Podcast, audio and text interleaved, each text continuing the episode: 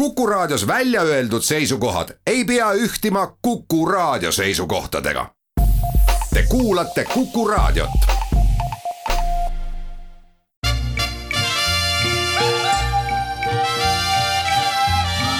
välismääraja. saade valmib koostöös uudisteagentuuriga BNS tere ja ilusat pühapäeva hommikut Kuku raadio Välismääraja saate kuulajatele. tänases saates äh, räägime väga päevakajalisel teemal ehk just täna ehk kolmekümne esimesel oktoobril äh, algab äh, Glasgow's kliima tippkohtumine ehk niinimetatud COP kakskümmend kuus, ehk see on siis kahekümne kuues selline globaalne kliimakonverents ja saates räägimegi, mis toimumas on, äh, mis on kaalul ja mida sellest kliim-, kliimateemast äh, oodata ning väga hea meel on, et meil on Skype'i äh, kaudu ühendus Vivian Loonelaga, kes on Euroopa Komisjoni roheleppe kõneisik, tere Vivian! tere! ning kohal on ka siin Kuku raadio Tallinna stuudios Kristi Klaas, Keskkonnaministeeriumi asekantsler kliimaküsimustes, tervitus! tere hommikust! ja mina saatejuht Hannes Hanso. Ähm, Viim, Vivian, kõigepealt äh, sinu juurde, äh, et äh, ole hea, et seda COP kahtekümmend kuut peetakse nii-öelda nende globaalsete kliimaeesmärkide täitmise seisukohalt võtmetähtsusega sündmuseks, et ole hea, kas sa saaksid palun raadiokuulaja jaoks lahti kirjeldada, miks see nii on ja nagu ma ka sissejuhatuses küsisin, et mis siis kaalul on selle järgneva nädala-kahe jooksul? Glasgow kohtumine on järjekorras kahekümne kuues, aga samas kõige olulisem peale, pärast Pariisi kliimakohtumist kahe tuhande viieteistkümnendal aastal. praegune kohtumine samamoodi pidi toimuma juba aasta tagasi, aga lükkus nagu paljud muud asjad koroona tõttu edasi. ja ka nüüd on osalemine palju keerulisem, me näeme, et mitmetest kaugematest ja väiksematest riikidest on esindatus väiksem, kui me tahaks. mis on selle kohtumise eesmärk, on kolmes osas esiteks ähm, on see jälle, mida teha, et äh, jõuda sinnani, et soojenemine püsiks kahe kraadi raames ja oleks nii lähedal üks koma viiele kraadile kui võimalik. Pariisi kohtumisel võtsid riigid endale kohustuse esitada riiklikke plaane, kuidas sinna jõuda. nüüd Glasgow's on aeg uuesti kokku tulla, et üle vaadata, mida riigid on lubanud ja kuidas me seda ambitsiooni üleval hoiame. viimaste aastatega, nagu teate, on olukord radikaalselt muutunud kaks aastat tagasi Euroopa Liit võttis vastu oma rohepöördeplaanid ja lubas, et aastaks kaks tuhat viiskümmend on Euroopa Liit kliimaneutraalne. peale seda on paljud muud riigid oma lubadusi tuntavalt parandanud ja tegudele asunud. suurim muutus on olnud sel aastal muidugi USA äh, pärast nende presidendivalimisi, aga ka Jaapan, Lõuna-Korea, Kanada, enamik meie suurimaid ka kaubanduspartnereid, vabandust, enamik meie suuremaid äh, kaubanduspartnereid, kui me vaatame praeguseks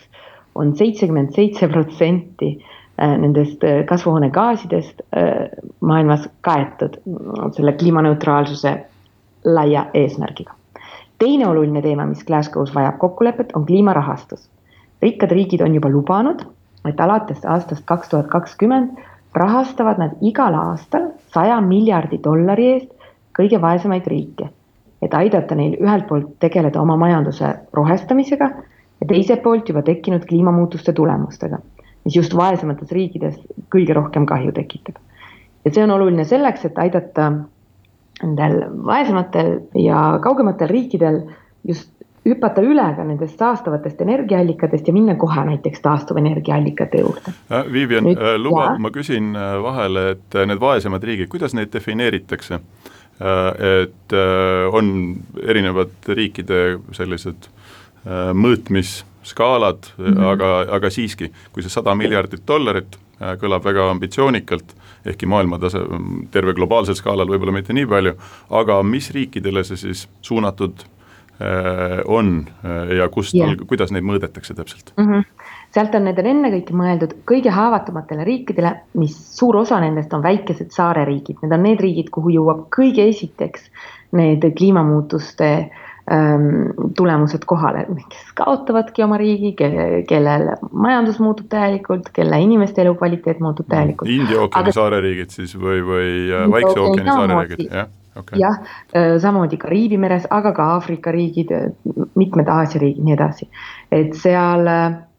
jah, see ring on võrdlemisi lai ja miks see on oluline, on ka see, et kui me vaatame tagasi Pariisi, siis just nende riikide surve näiteks Hiinale olla tugevam, olla, teha rohkem nende kliimamuutuse lubadustes oli hästi tugev ja see ongi jälle selline usaldusväärsuse küsimus, et me peame teiselt poolt ka neid aitama, neid vaesemaid ja päätimaid või neid riike, kellel see äh, tulemused kõige kiiremini koju kohale jõuavad.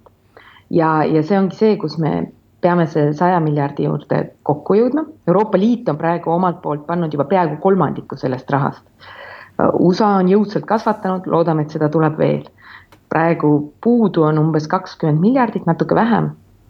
ja loodame, et see tuleb, sellel jõutakse seal Glasgow's vähemalt nagu märksa lähemale kui seni. ja see on jälle selline asi, et kui me vaatame tagasi, siis paar aastat tagasi me olime veel väga kaugel sellest sajast miljardist, et nagu momentum on olemas, lootust on, et läbirääkimistel eduka tulemuseni jõuta, jõutakse.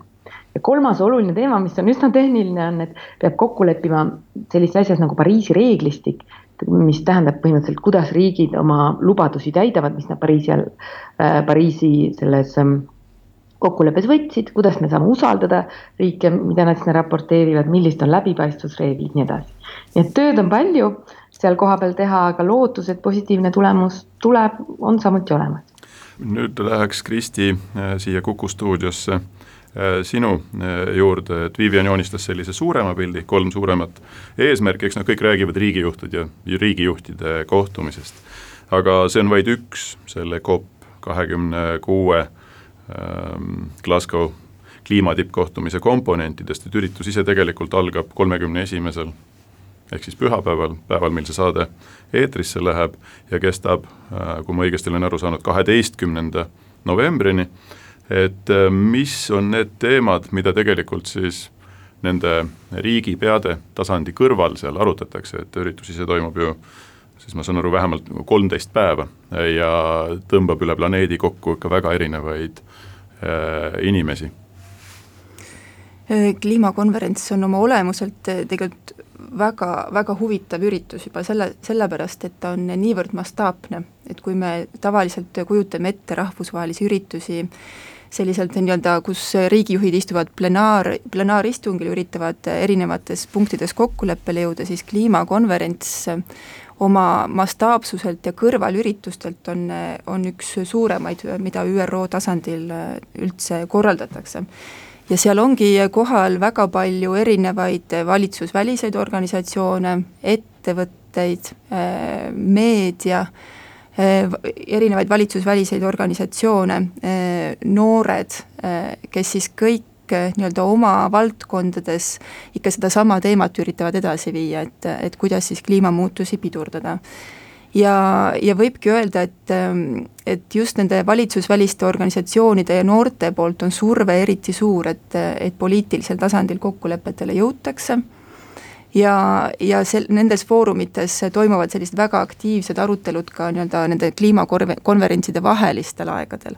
ehk et see kliimakonverents, kui kokku saadakse, on nii-öelda see punkt, kus siis üritatakse kokkulepeteni jõuda,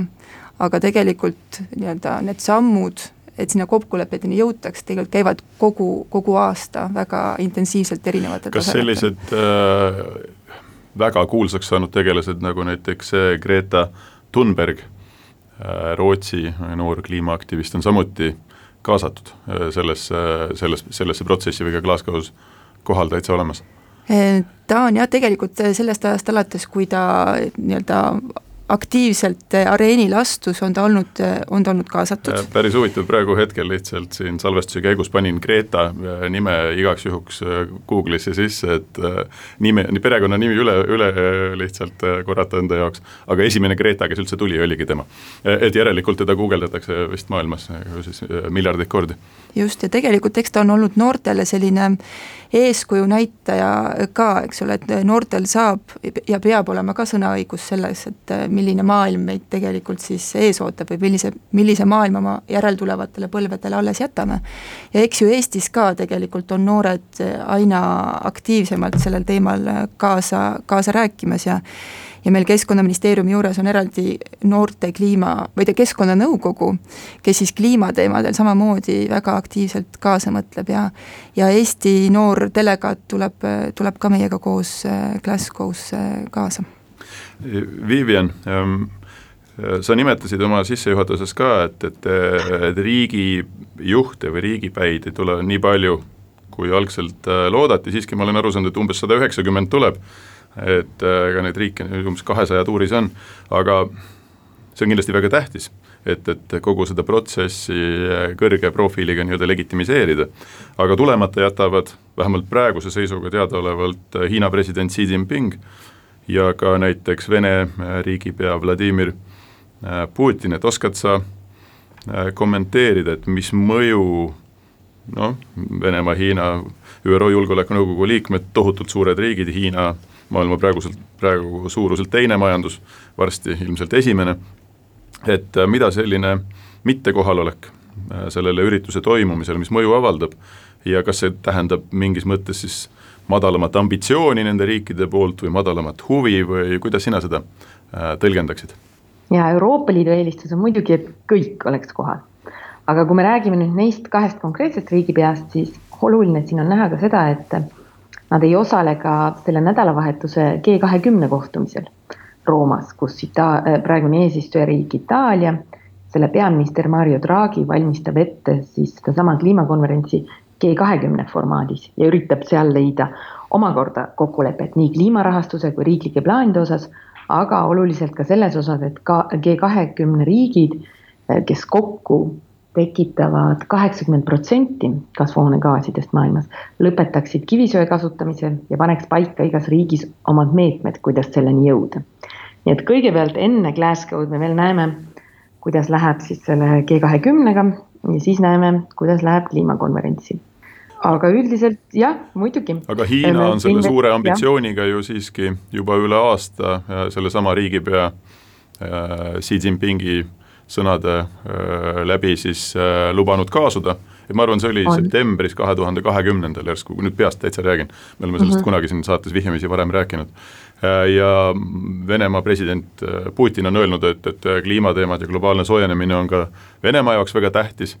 et, et justkui sõnades nad on selle asjaga siiski ju kaasas, ilma nendeta ausalt öelda või vähemalt ilma Hiinata poleks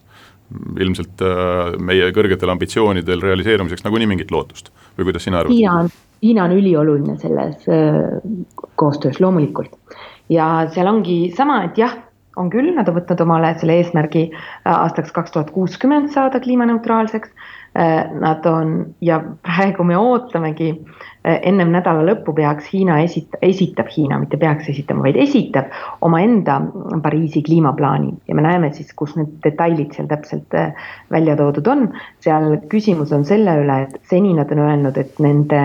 ütleme, see saastamise tipp jõuaks kätte aastaks kaks tuhat kolmkümmend. kõik me oleme öelnud, ei, seda tuleb tuua ettepoole, tuleb tuua ettepoole, vaatame, mis sealt äh, tuleb. teine oluline asi, mis Hiina on teinud, on, et ähm, ÜRO Peaassambleel septembris president Xi ütles välja, et nad lõpetavad söe kaevandamise rahastamise väljaspool Hiinat ja see on juba tohutu samm. see on tohutult tähtis tõesti. jah, ja aga nüüd vaatame, mis saab, eks ole, Hiinas, eriti praeguste energiahindadega ja kõik nii edasi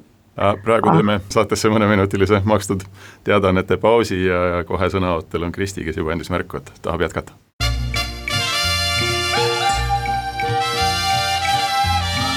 välismääraja. saade valmib koostöös uudisteagentuuriga BNS. tere tulemast tagasi Välismääraja lainele, tänases saates räägime täna algavast kliima tippkohtumisest äh, Glasgow'st ja sellest, mis kaalul on. Ma äh, katkestasin ennem äh, ebaviisakalt Vivianit ja nüüd ma annan sõna Kristile, palun sama koha pealt, kus, äh, kus me ennem katkestasime, ole hea, jätka.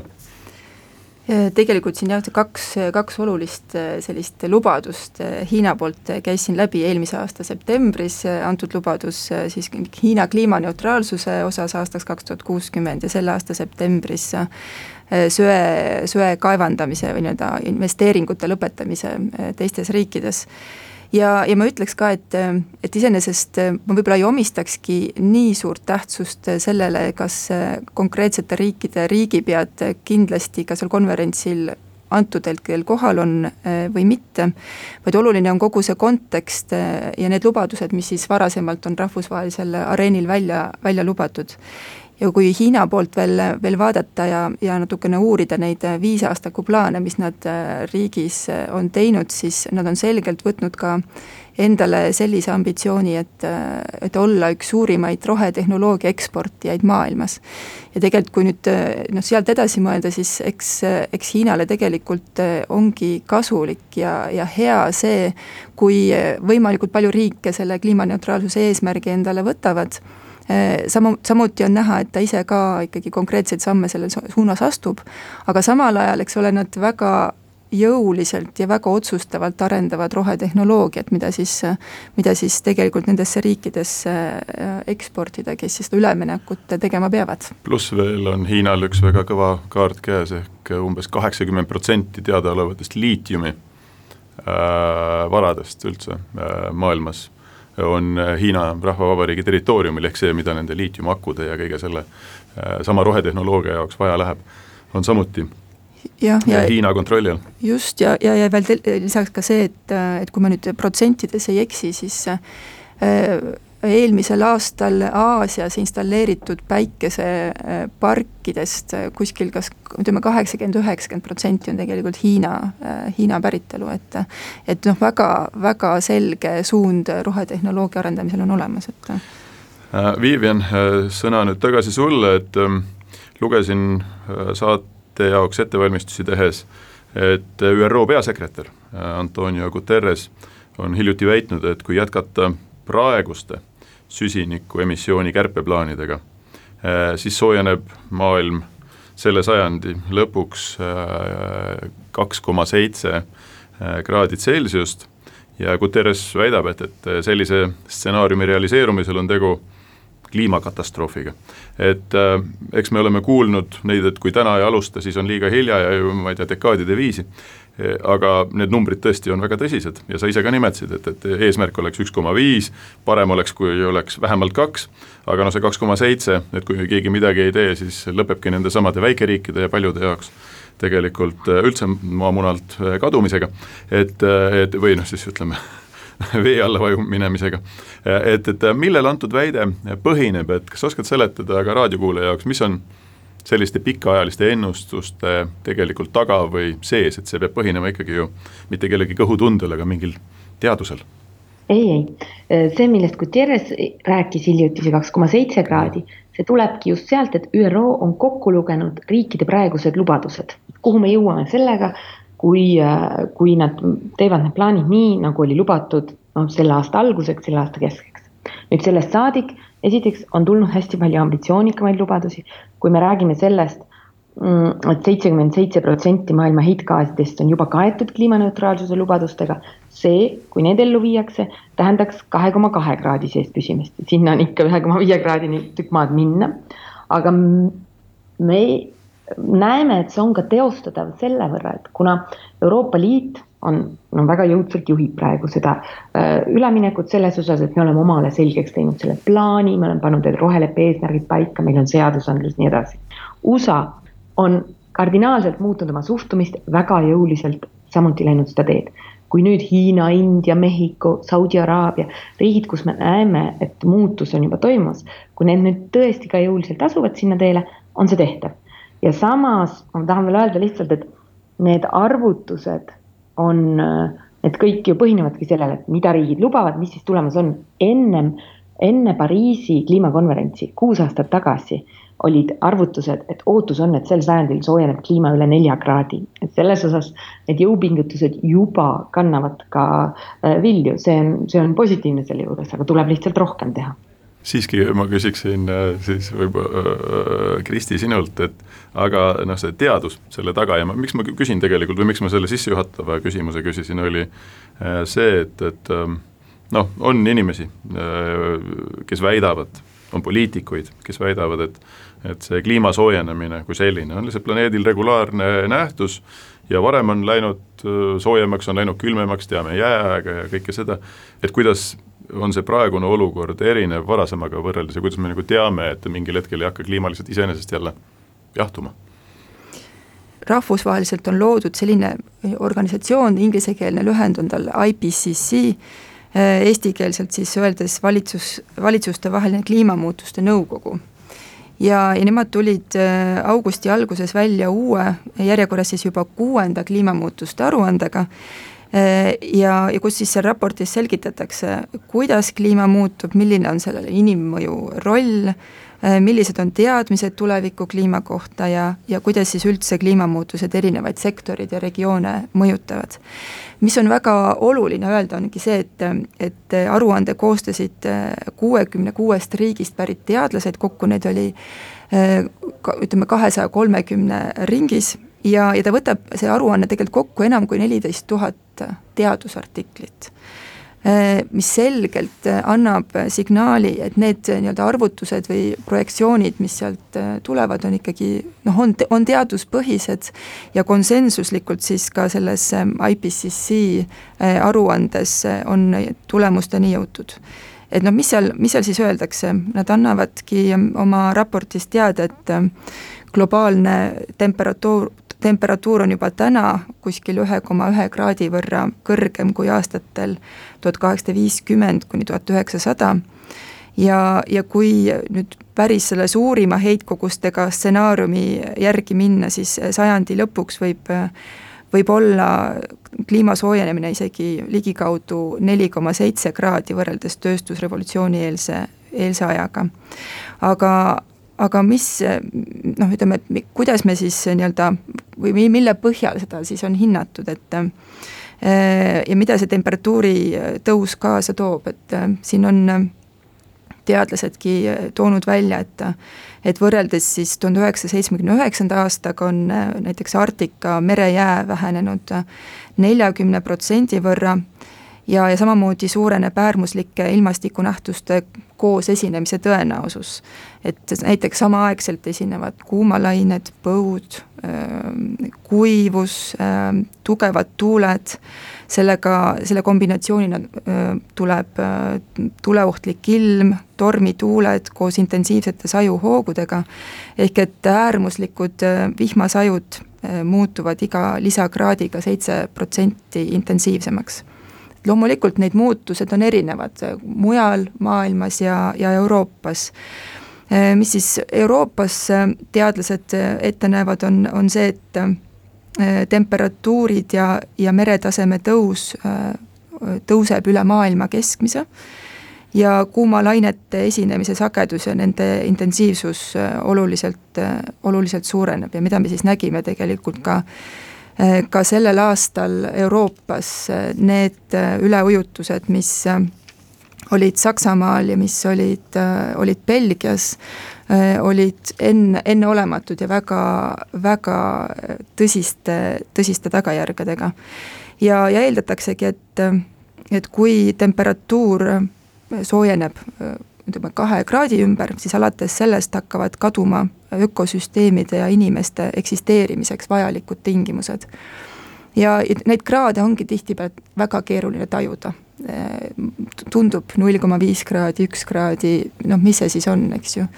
paralleelina võiks alati ette kujutada seda, et kui meil endal temperatuur tõuseb siin ühe kraadi võrra, et kui, kui halvaks enesetunne läheb, et et maa ökosüsteemide tasakaal on ka väga, väga selline habras, et, et null koma viis kraadi või null koma kakskümmend viis kraadi too-, toovad juba kaasa väga tõsiseid tagajärgi okei okay,, ühesõnaga siiski vastus mu enda küsimusele, et see on maailma parim teadus, mis meile seda lõpuks kinnitab, et eh, kui kõik need näitajad kokku liita, äh, siis, äh, siis see on see tulemus. Vivian, Kristi juba nimetas siin, ma ei tea, kõiki võimalikke inimestele endale ka nagu näha olevaid sümptome orkaane, metsatulekahjusid, üleujutusi, põudasid, kõike seda samas on ju päris äh, selge ja ma arvan, ka sina oma töös sellesama roheleppe kõneisikuna pead sellega kokku äh, puutuma, et on olemas nagu eraldi selline poliitiline globaalse soojenemise eitajate turunišš. et ähm, kui me vaatame seda praegu algavat ähm, äh, kliimatippkohtumist globaalsel skaalal, et esindatud on väga palju riike, aga kas on mõni riik ka, kus nagu sellist nähtust nagu globaalne soojenemine üldse eitatakse ja küsimuse teine pool, et ähm, miks vaatamata kogu maailma parimale teadusele on siiski siis inimesi või ka arvamusliidreid, poliitikuid näiteks, kes äh, millegipärast peavad paremaks äh, eitada selle protsessi tõsidust või üldsegi olemasolu? no riigijuhtide tasemel selliseid eitajaid enam praktiliselt ei ole, suur muutus oli sel aastal. Trump on, Trump on läinud, ütleme siis otse välja. jah et see, see on palju, tõesti, no olukord on muutunud, isegi sel nädalal tuli ähm, need äh, riiklikud plaanid Saudi Araabiast, millest me räägime, Saudi Araabia, kes teatas, et nad kavatsevad aastaks kaks tuhat kolmkümmend saada poole oma energiast taastuvenergiast, selles mõttes, et maailm tõesti on muutumas. ja miks see on oluline, kui, miks see on oluline, on ka see, et inimeste surve sellele aina suureneb. et me ei räägi ju enamikel puhkudel isegi mitte ainult kliimamuutusega võitlemisest, aga ka sellest, et eriti arenguriikides, eriti vaesemates riikides, kus see rohepööre tähendab palju rohkem, ta tähendab ka paremat õhukvaliteeti, üldiselt vähem saastet, kõike seda, mis on oluline inimeste elukvaliteedile. aga ma arvan, see on nii, nagu Kristi ütles, et see on need tagajärjed on juba nii paljudel inimestel, nii paljudel otsustajatel on näha, millised need tagajärjed on ja et neil on ka äh, aina kasvavad ähm, mõjud, samuti julgeolekupoliitiliselt, majanduslikult, et, et sellega tuleb tegeleda. eitajate poole pealt ma pean ütlema, mina oma töös ei puudu kliimaeitajatega just ülemäära palju kokku, siin nagu see arusaam, see kliimamuutus on päris, see on täitsa, täitsa olemas, seda siin ümberlükkeid äh, ei ole, aga noh. aga siiski peavad ju olema mingid lobigrupid, ma ei tea, mingid riigid, kelle majandus väga palju sõltub näiteks äh, sellisest Äh, fossiilenergiast näiteks ja kindlasti sellised nagu väga profiilikad tööstused. aga sellepärast äh, mis, kes tunnevad ju, jah mm., just, kes tunnevad, et, et nende see traditsiooniline toimimisloogika lihtsalt hakkab haihtuma ja arvatavasti tunnevad selle pärast muret. ma ei tea, Austraalia näiteks on mingi näide, kus väga raskelt tuleb, on ju, nad on vist per capita maailma suurimad äh, tootjad, kui nüüd mul õigesti meeles on, per capita. Ja mm -hmm. siis äh, on väga vastuoluline nende jaoks näiteks see teema ja nemad tahavad ka mingisugust eraldi, eraldi kokkulepet enda jaoks või mingit oma diili. On, on, aga Euroopa Liit, selles mõttes, kui me vaatame nüüd, mida saab Euroopa Liit teha, siis ongi, mida me teeme, ühelt poolt me näitame, et on võimalik muuta oma majandust nii, et see läheb rohelisemaks, aga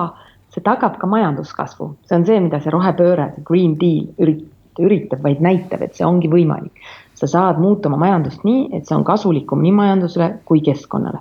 ja, ja me näeme, et see on ka eeskujuks teistele riikidele, mitte eeskujuks, aga ütleme julgustavaks näiteks. teiselt poolt Euroopa Liit tegeleb sellega ka läbi kaubanduslepingute. me oleme kaubanduslepingutesse aina enam ja enam sisse kirjutamas neid keskkonna ja kliimaalaseid tingimusi ja läbi selle me suuname teisi riike äh, samamoodi nagu muutma oma tegevust nüüd suvel, kui me tulime välja mm, juulikuus, komisjon pani ette suure, suure hunniku neid äh,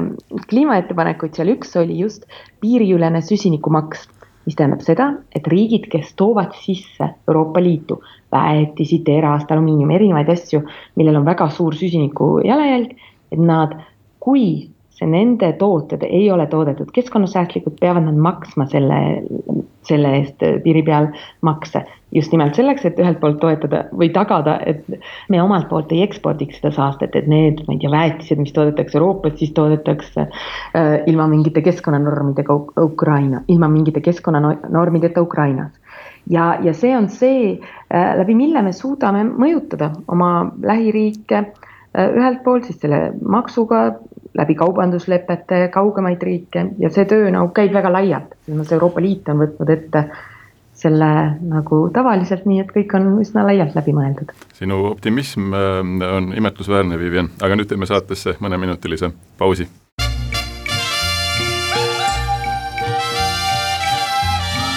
Välismääraja. saade valmib koostöös uudisteagentuuriga BNS tere tulemast tagasi Välismääraja äh, lainele, räägime kliima tippkohtumisest, mis täna ehk äh, pühapäeval, kolmekümne esimesel oktoobril äh, Glasgow's algas. liigume teemadega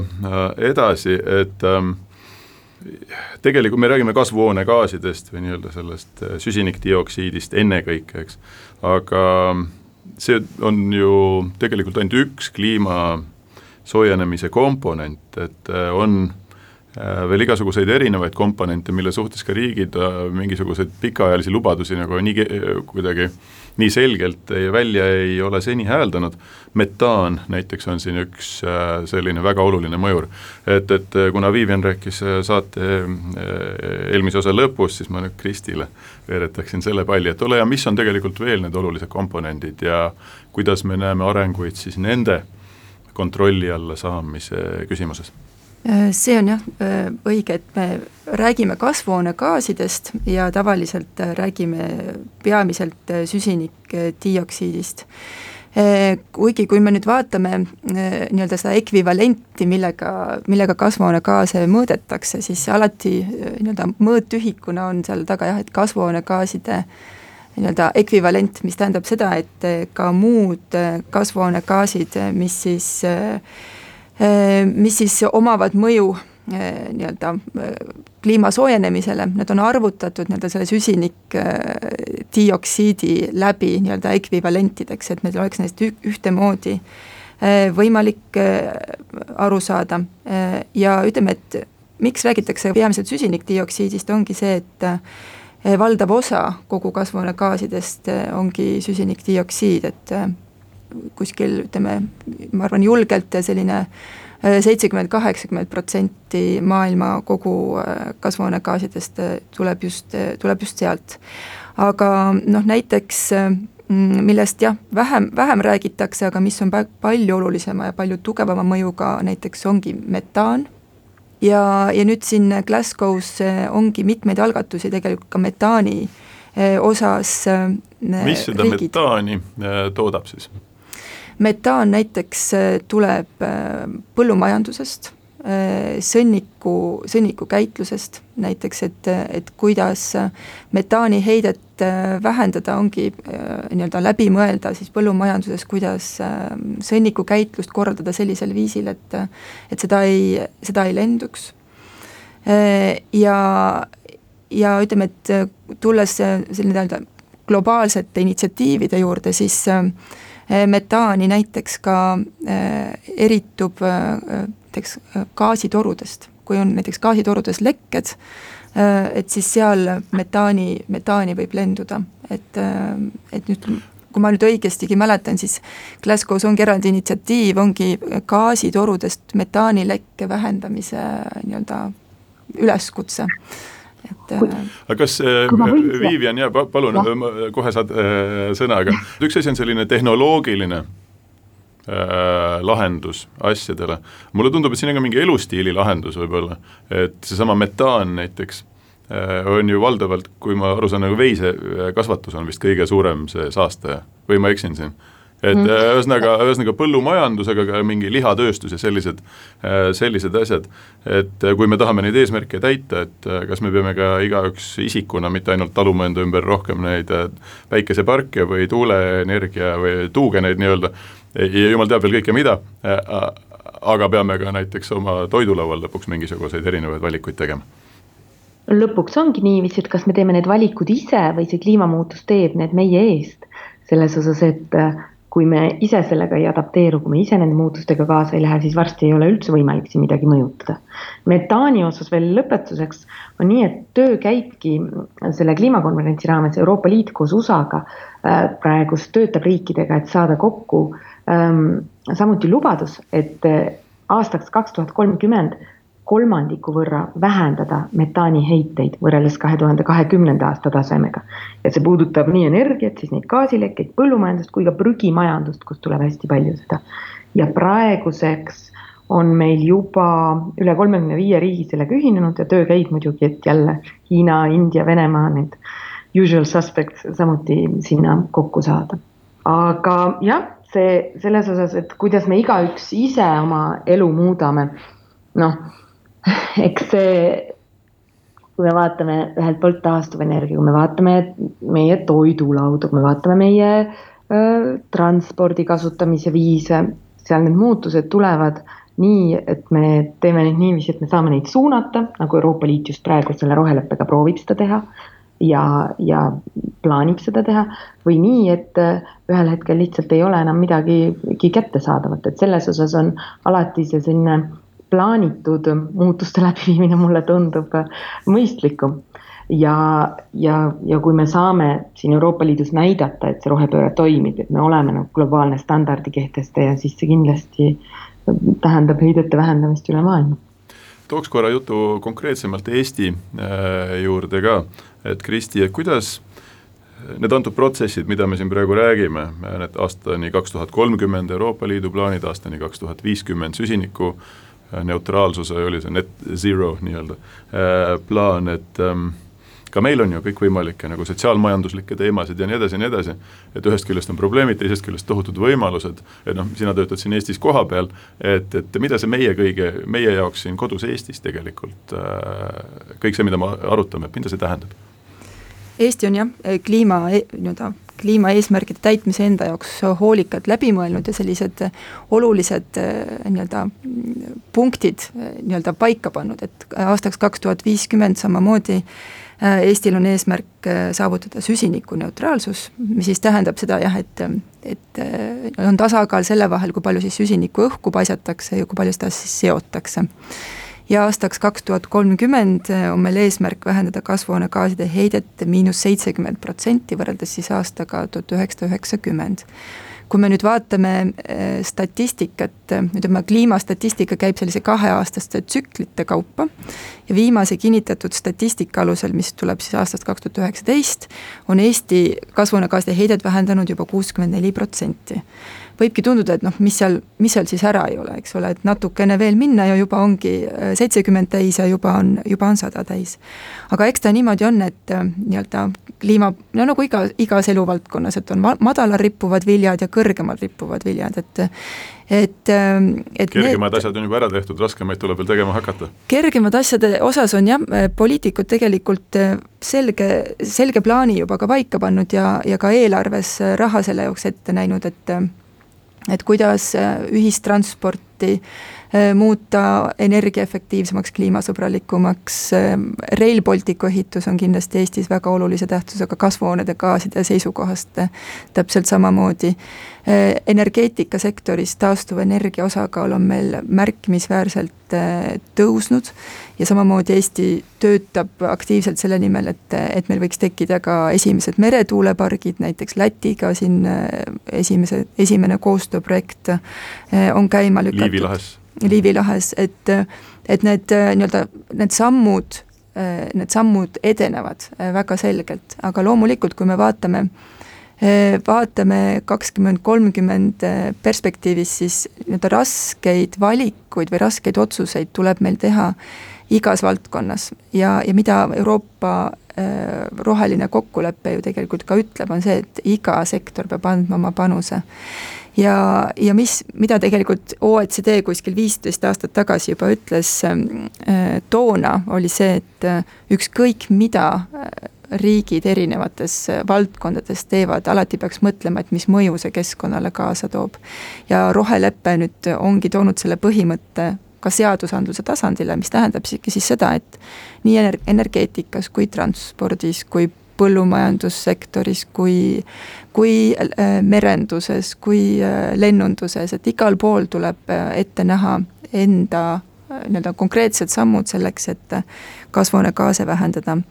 ja, ja valitsuse juurde on meil ju loodud nüüd üsna, üsna värskelt rohepoliitika komisjon, juhtkomisjon, mida juhib peaminister mille eesmärk ongi nii-öelda tekitada või saada see nii-öelda terviklik äh, visioon äh, selle kohta, kuidas rohepööret Eestis ellu viia, mis samme selleks tuleb teha. Äh, ja, ja, ja just see pool ka, et mis võimalusi see annab, et kui me vaatame siin Eesti meediapilti, siis noh, väga, väga kerge võib-olla ongi nii-öelda pöörata seda diskussiooni selle poole, et see kõik on nii raske, et me kõik peame millestki loobuma. aga, aga jah, soov on seda nagu võimaluste poolt rohkem ka lauale tuua Vivian haaran siin Kristi ühest mõttest praegu kinni, et see kõik on nii raske ja nii keeruline ja kallis ja no tõepoolest ka meil on siin kodus ju tegelased, kes väidavad, et, et ma ei tea, elektri hind tõuseb just nimelt sellepärast, et nüüd on paha Euroopa ja rohepööre ja kõik see. Ehm, ma küsin su käest sellise üldisema küsimuse siis, et ütle, kui kallis on siis selle kliima soojenemisega äh, mittetegelemine, et kui sa vaatad Euroopa tasandit näiteks või, või ka Euroopa, kuna mängib maailmas tervikuna väga olulist rolli nii-öelda suunanäitajana või standardi äh, kehtestajana selles küsimuses, et ähm, kui me seda teemat lihtsalt nagu lauale pühime, ignoreerime, et mis meist siis võiks küll saada? ma alustuseks ütlen veel selle elektri hinna kohta ära, mul on hea meel, et sa selle tõstatasid, seda tuleb alati öelda, elektri hind on kallis just nimelt selle tõttu, et me ei ole veel rohepööret läbi viinud. suurim osa praeguses hinnatõusus on gaasi hinna tõus. kui meil oleks rohkem tuuleenergiat, päikeseenergiat, hüdroenergiat, kui me ei oleks nii suures sõltuvuses fossiilkütusteks, kütustest, oleks see hinnatõus palju-palju väiksem. ja Gazpromist eriti eriti see on jah, veel terve saate saab sellest rääkida. aga kui kallis on kliima soojenemisega mittetegelemine, see on nii kallis, et kui me vaatame mm, majandusteadlaste mm, arvutusi, siis mingil määral nad lähevad isegi sellest, ütleme, teljest välja, sest seda, äh, millise suurusega need äärmuslikud kliimamuutus, äh, millise tihedusega ja millise jõuga need äärmuslikud kliimamuutused tulevad, see ajab nagu kõik arvutused täiesti, ütleme, mm, sassi. võtame kasvõi, noh, võtame, see on kaugemalt, aga kui me mõtleme sellele, et näiteks Himaalajas hakkab see jääliustikud ja lumi sulama, milline tulemus sellel siis on, me räägime sadadest miljonitest inimestest, kes seal elavad, kes saavad sealt oma vett ja mis seal, mis me räägime julgeolekupoliitilistest mõjudest, majanduslikest mõjudest. Või kui me mõtleme sellele, et nüüd meil oli suvi, kus oli tohutu kuumus, see oli üks suvi Euroopas, Lõuna-Euroopas, ka meil Põhja-Euroopas. aga kui see on pikemat aega, mis see tähendab meie üldse äh, toidutööstusele, mis see tähendab üldisele tööstuslikule efektiivsusele ja nii edasi. et need, äh, see ongi see, mis on samamoodi on äh, nendes teadlaste arvutustes välja tulnud, et mingil määral on neid arvutusi isegi raske kokku lüüa sest need mõjud on nii määratud. Äh, saate lõpuni on äh, vaid äh, loetud minutid, et küsin küsimuse nüüd, et kuidas selle Glasgow kliimakonverentsi edu või ebaedu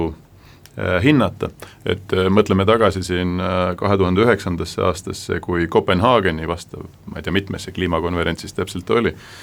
kuhu mindi päris suurte ootustega, kuid viimasel hetkel tulid kõikvõimalikud üllatused ja tegelikult ei suudetud suurtes asjades äh, konkreetsetes asjades minu arusaamist mööda kokku leppida, seetõttu ongi see Pariisi kokkulepe ülimalt oluline, et siis jõuti sinna välja. ja ma küsin, Kristi, siis sinu käest, ma saan aru, sa lähed ise ka kohale, et kuidas me, ma ei tea, siin siis kolmeteistkümnendal novembril näiteks, kui me siin istuksime, hindaksime, et kas see üritus oli edukas ja kas veel midagi võib tuksi ka minna või nihu minna seda tulemuslikkust ehm, sel-, selgelt hinnatakse, ma arvan, ühest küljest selle järgi, et kui palju riike siis eh, oma need pikaajalised eh, kasvuhoonegaaside vähendamise plaanid eh, nüüd lauale panevad ja te, mis, mis tegelikult näha on, et siin enne konverentsi algust veel, veel viimased, eks ju, nii-öelda kiiresti oma need nii-öelda lubadused esitavad, mis on hästi oluline ja, ja mida, mida kindlasti seal konverentsil jälgitakse, on see, et ei ole eesmärk võib-olla ainult äh, nii-öelda see suur poliitiline eesmärk, aga et need plaanid oleksid väga konkreetsed, oleks aru saada. ja mõõdetavad. ja mõõdetavad, et mida siis, mis aastal tegelikult tegema hakatakse. ja tahetakse ka kokku leppida siis nii-öelda konkreetses ajaraamis, et mis aastate tagant tullakse uuesti kokku ja vaadatakse üle, et kuhu me siis nüüd oleme jõudnud. ma arvan, et üks nii-öelda põhiline asi ongi see, et kas jõutakse selles raamis kokkuleppele, et kuidas me siis seda nii-öelda progressi jälgima hakkame. Ja ma ütleks võib-olla teise asja, teise asja veel on, on kogu nii-öelda see raha, rahalise abi läbipaistvus. et, et kuidas siis ikkagi jõuda selleni, et, et rikkamad riigid selle saja miljardi nii-öelda lubadust täidaksid kuidas saada nii-öelda konkreetne rahastamise, rahastamise plaan paika, nii et, nii et ka kohanemise poliitikat saaks kõige haavatamates, haavatamates riikides edasi viia. et ma võib-olla need kaks asja toon, toon enda poolt kõige olulisematena välja Äh, Vivian, suur tänu sulle sealt kaugelt Euroopast siia saatesse tulemast, aga sõna ma sulle rohkem täna anda ei saa. aga seda optimismi, äh, mida sa süstid, äh, seda ma jaga, jagan muidugi. et klaas võib olla kas pooltühi või pooltäis, aga mulle tundub, et kui me probleemidega tegeleme, siis on see ikkagi pooltäis. suur tänu ja siis edu ning Kristi Klaas Keskkonnaministeeriumist, asekantsler, suur tänu siia saatesse tulemast ja mina, saatejuht Hannes Hanso ning tund vähem kui nädala pärast juba uute teemadega, arvatavasti siinsamas Kuku raadio eetris. soovin kõikidele raadiokuulajatele ilusat pühapäeva jätku.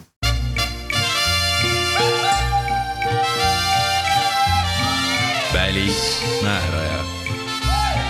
saade valmib koostöös uudisteagentuuriga BNS